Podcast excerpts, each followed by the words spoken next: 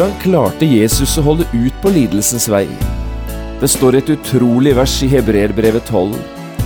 For å oppnå den glede som ventet han, led han tålmodig korset uten å akte vanæren. Det må bety han tenkte på deg og meg, og på alt det han en dag skulle få dele, både med sin himmelske far og med alle dem som tok imot den store frelsesgaven.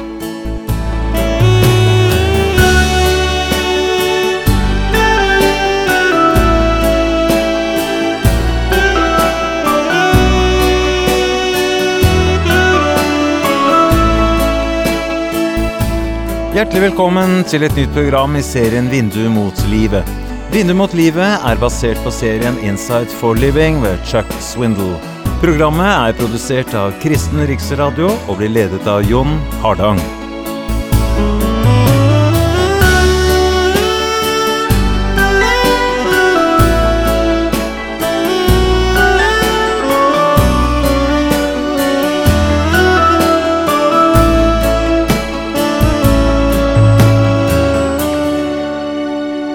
Vi skal i dag fortsette i vår programserie Mørket og morgenrøden, der vi prøver å følge Jesus på lidelsesveien til Golgata. I dag skal vi lese et kort, men et utrolig sterkt avsnitt fra Matteusevangeliet, i kapittel 27, versene 26 til 31. Jeg har kalt dagens program Han ble mishandlet. Da gav Pilatus dem Barabas fri, men Jesus lot han hudstryke og overga han til å bli korsfestet. Da tok landshøvdingens soldater Jesus med seg inn i borgen og samlet hele vaktstyrken om han. De kledde av ham og la en skarlagenrød kappe om han. De flettet en krone av torner og satte den på hans hode og ga han en rørstav i høyre hånd. De falt på kne for ham og hånte ham og sa, Vær hilset, du jødenes konge. Og de spyttet på ham, tok rørstaven og slo ham i hodet. Etter at de slik hadde hånet han, tok de kappen av ham og kledde ham i hans egne klær, og de førte ham bort for å korsfeste ham.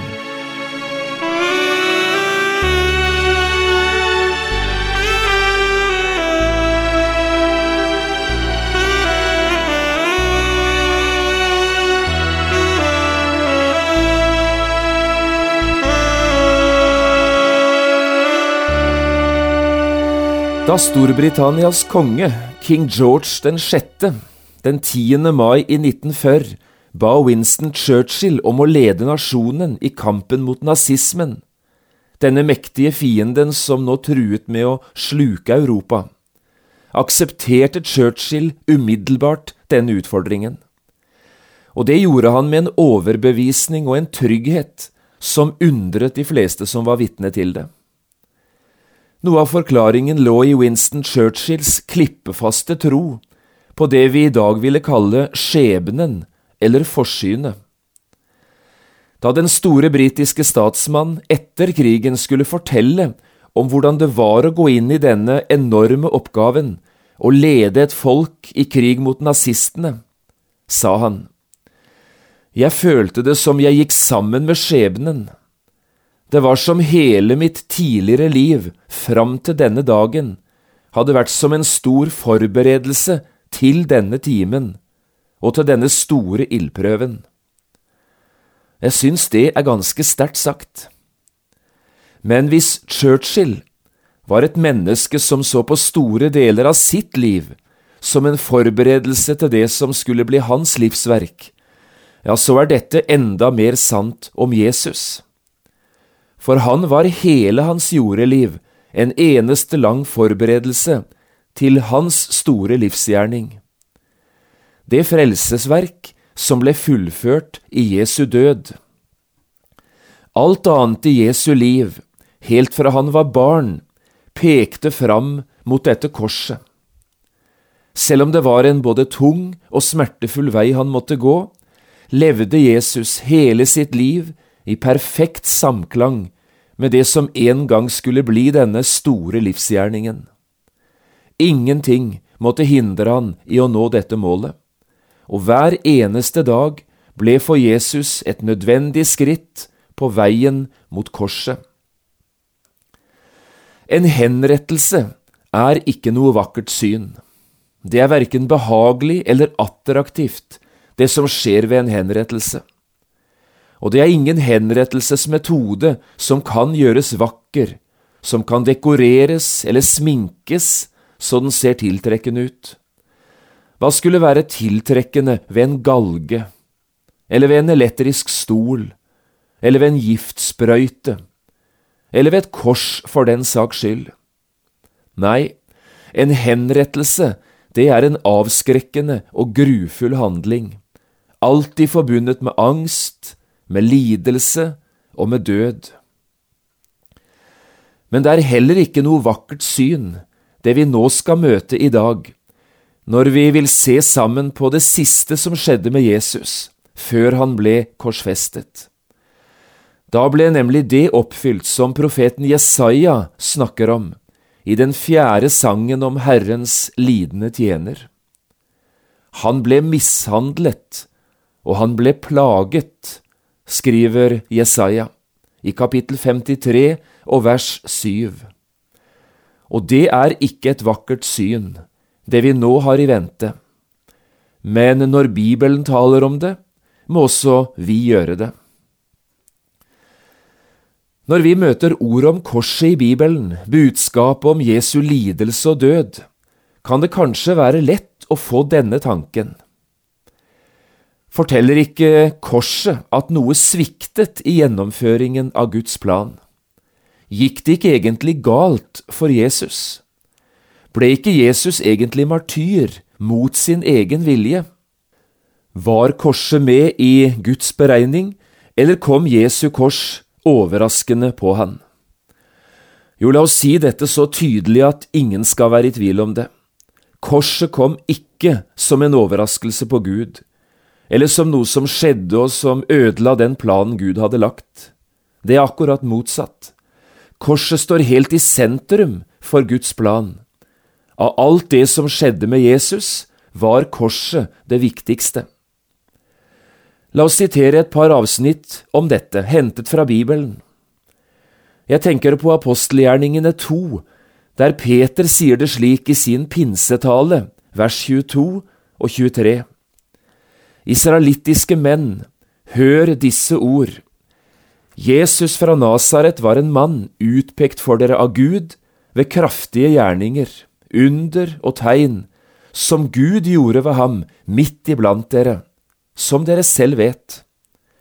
Han ble forrådt etter Guds fastsatte råd og forutviten, og dere slo ham i hjel idet dere naglet ham til korset ved lovløse menns hender uten å ta ansvaret vekk fra dem som drepte Jesus, sier altså Peter at Jesu kors var en del av Guds frelsesplan, lagt til rette av Gud selv fra evighet av.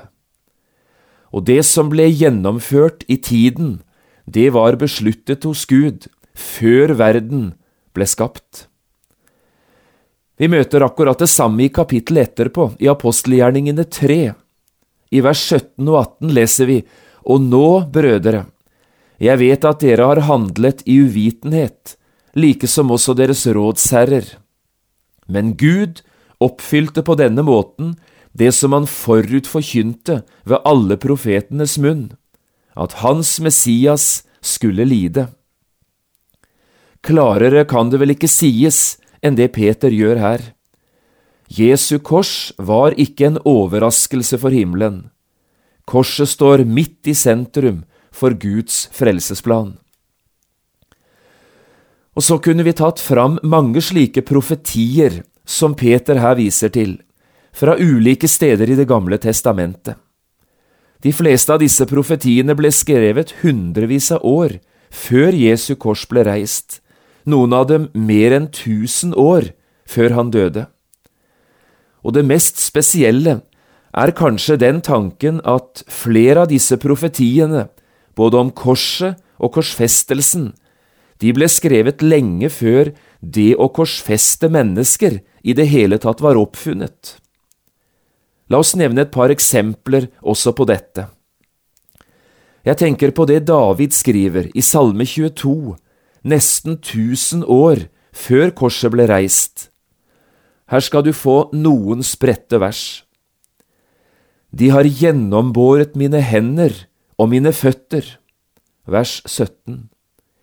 De deler mine klær mellom seg og kaster lodd om min kjortel. Vers 19. Alle som ser meg, spotter meg og vrenger munnen og rister på hodet. Vers 8. Jeg synes dette høres ut som ord vi nå leste, de kunne ha vært skrevet av et øyenvitne på Golgata langfredag, men de er altså blitt til tusen år før det skjedde. Og 750 år før Jesus ble født, skrev profeten Jesaja sangen om Herrens lidende tjener. La oss ta med noen setninger også fra denne sangen.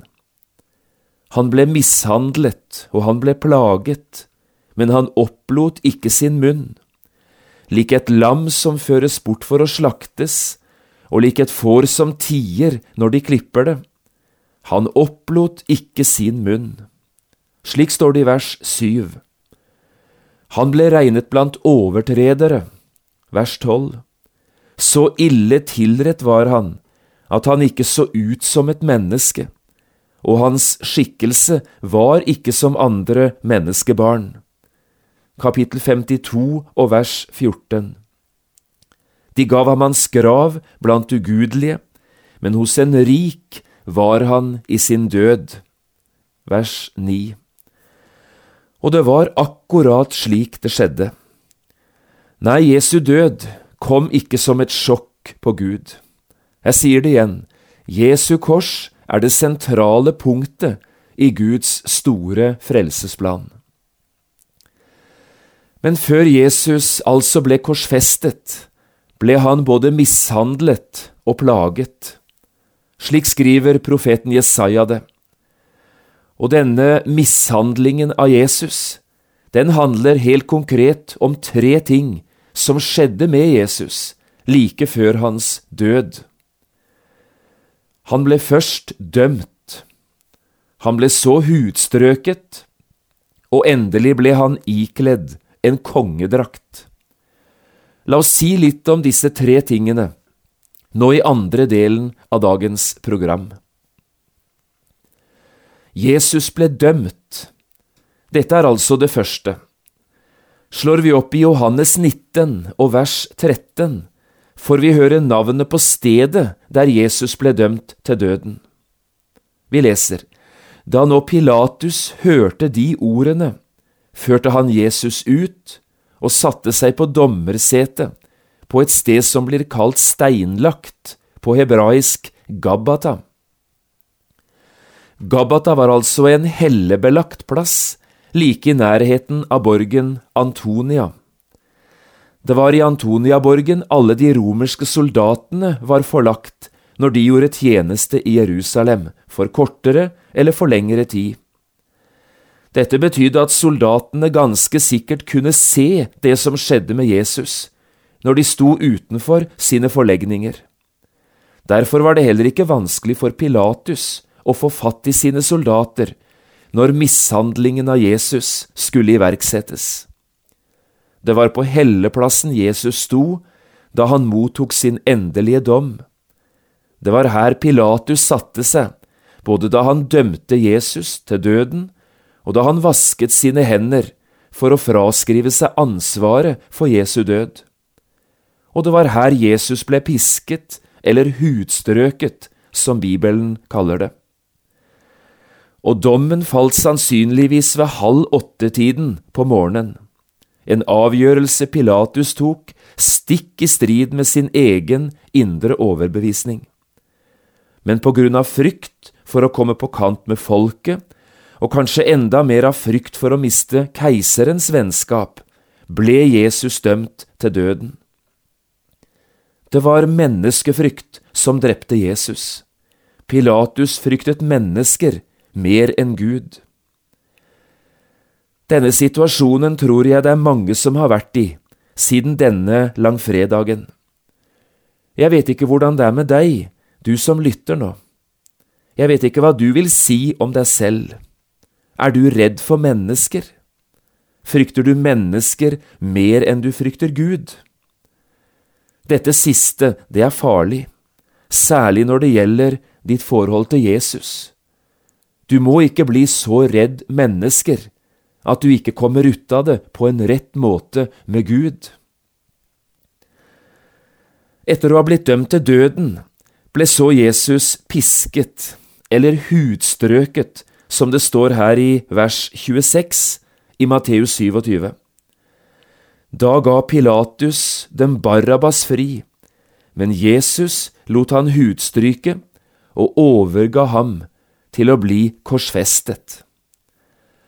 Også dette foregikk altså på Gabbata, på helleplassen. Å prøve å skildre dette i detalj er egentlig å sette ord på noe av det mest grusomme Jesus opplevde på hele sin vei fra nattverdsalen til Golgata. Det var altså det vanlige blant romerne at en dømte, før han skulle bli korsfestet, også ble hudstrøket av romerske soldater. På Jesu tid fantes det to slags pisking. Det var først den jødiske måten, slik den er beskrevet for eksempel i femte Mosebok 25 i de tre første versene. Der får vi høre at et offer, en dødsdømt, aldri skulle få mer enn 40 piskeslag og jødene respekterte som regel alltid denne Guds lov, enten det gjaldt en dødsdømt eller en annen alvorlig forbrytelse. De pleide aldri å gi forbryteren mer enn 39 slag. Dermed var de på den sikre siden, også om de skulle komme litt ut av tellingen. Men blant romerne var det ikke noe tak på antallet piskeslag. Derfor ble en hudstrykning av romerne kalt for halvveis død, og det er sikkert det helt riktige ordet. For hvordan foregikk en slik romersk hudstrykning? Stedet der en ble pisket, så ut som et torturkammer. Midt i rommet sto det noe som kunne ligne en trestubbe, godt og vel en halv meter høy. Personen som nå skulle hudstrøkes, ble avkledd og lagt på magen over denne stubben. Hender og føtter ble så bundet til fire metallringer, som igjen var festet i gulvet. Bøyd og bundet ble så forbryteren pisket over den stramme og bøyde ryggen. Jeg tror ikke vi kan forestille oss hvordan det ble opplevd. Pisken var en vel 40 cm lang trestav som det var bundet en masse lærremmer til. Til disse remmene var det sydd fast biter av glass, av bein eller av metallbiter. Dette ga tyngde til lærreimene og reiv huden opp når pisken ble brukt. På et par meters avstand fra den dømte sto så en profesjonell hudstryker og skulle gjøre jobben sin, en jobb som foregikk etter helt spesielle prosedyrer. Det var ikke uvanlig at et menneske kunne dø, eller i alle fall miste bevisstheten, under en slik behandling som han her fikk under hudstrykningen. Men også ellers var virkningene grusomme og smertefulle. Bibelen forteller at Jesus bevarte bevisstheten hele tiden, selv om virkningene av piskeslagene var enorme også på hans kropp. Han ble mishandlet og han ble plaget, skrev profeten Jesaja. Det er i alle fall ikke å ta for sterkt i. Det siste som skjedde med Jesus, før de la korset på han og førte han til Golgata, det var det vi leste om fra vers 27. Da tok landshøvdingens soldater Jesus med seg inn i borgen og samlet hele vaktstyrken. De kledde av ham og la en skarlagenrød kappe om han og de flettet en krone av torner og satte på hans hode. De gav ham en rørstav i hans høyre hånd, de falt på kne for ham og hånte ham og sa, Vær hilset, du jødenes konge. Og de spyttet på ham, tok rørstaven og slo han i hodet. Jeg syns rett og slett det er vanskelig å skulle kommentere ord som dette, for her blir Jesus igjen fornedret på det sterkeste. Nå gjør de han til en narrekonge, de harselerer med ham både på den ene og på den andre måten. Påstår Jesus fra Nasaret at han er konge, vel, så får vi behandle han som konge. Og så gir de han de fire tingene som alle hører med til kongens verdighet, en kappe og en krone, en stav og så hyllingsord. Hele veien er soldatenes harselas kombinert med spytt og slag. Men gjennom alt dette som skjer, sa Jesus fremdeles ikke ett ord. Denne delen av Jesu lidelseshistorie ender så med ordene Etter at de slik hadde hånet ham, tok de kappen av ham og kledde ham i hans egne klær, og de førte han bort for å korsfeste ham. Et siste spørsmål dukker opp hos meg.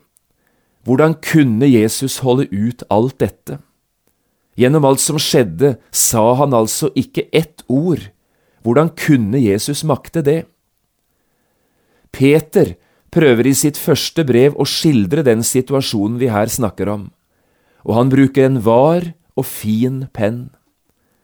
Han som ikke gjorde synd, og det ble ikke funnet svik i hans munn. Han som ikke skjelte igjen når han ble utskjelt, og ikke truet når han led. Slik står det i kapittel 2, vers 22 og 23. Men hvordan klarte Jesus å holde ut? Det finnes nok flere svar på det spørsmålet, men det står et utrolig fint vers i Hebreerne 12, 2. For å oppnå den gleden som ventet ham, led han tålmodig korset uten å akte vanæren. Det betyr Jesus tenkte på deg og meg og på den evige gleden han en dag skulle få dele, både med sin far i himmelen og med alle dem som hadde tatt imot frelsesverket, og som takket være Jesu frelsesverk nå får stå i lovsangskoret og for alltid skal bo i Guds land. Jesus holdt ut i den grusomme lidelsen for å gi deg og meg del i sin evige glede. Nå tror jeg det er tid for å prøve å takke Jesus for alt det han gjorde. Kan vi ikke prøve å gjøre det nå, hver for oss, både du og jeg?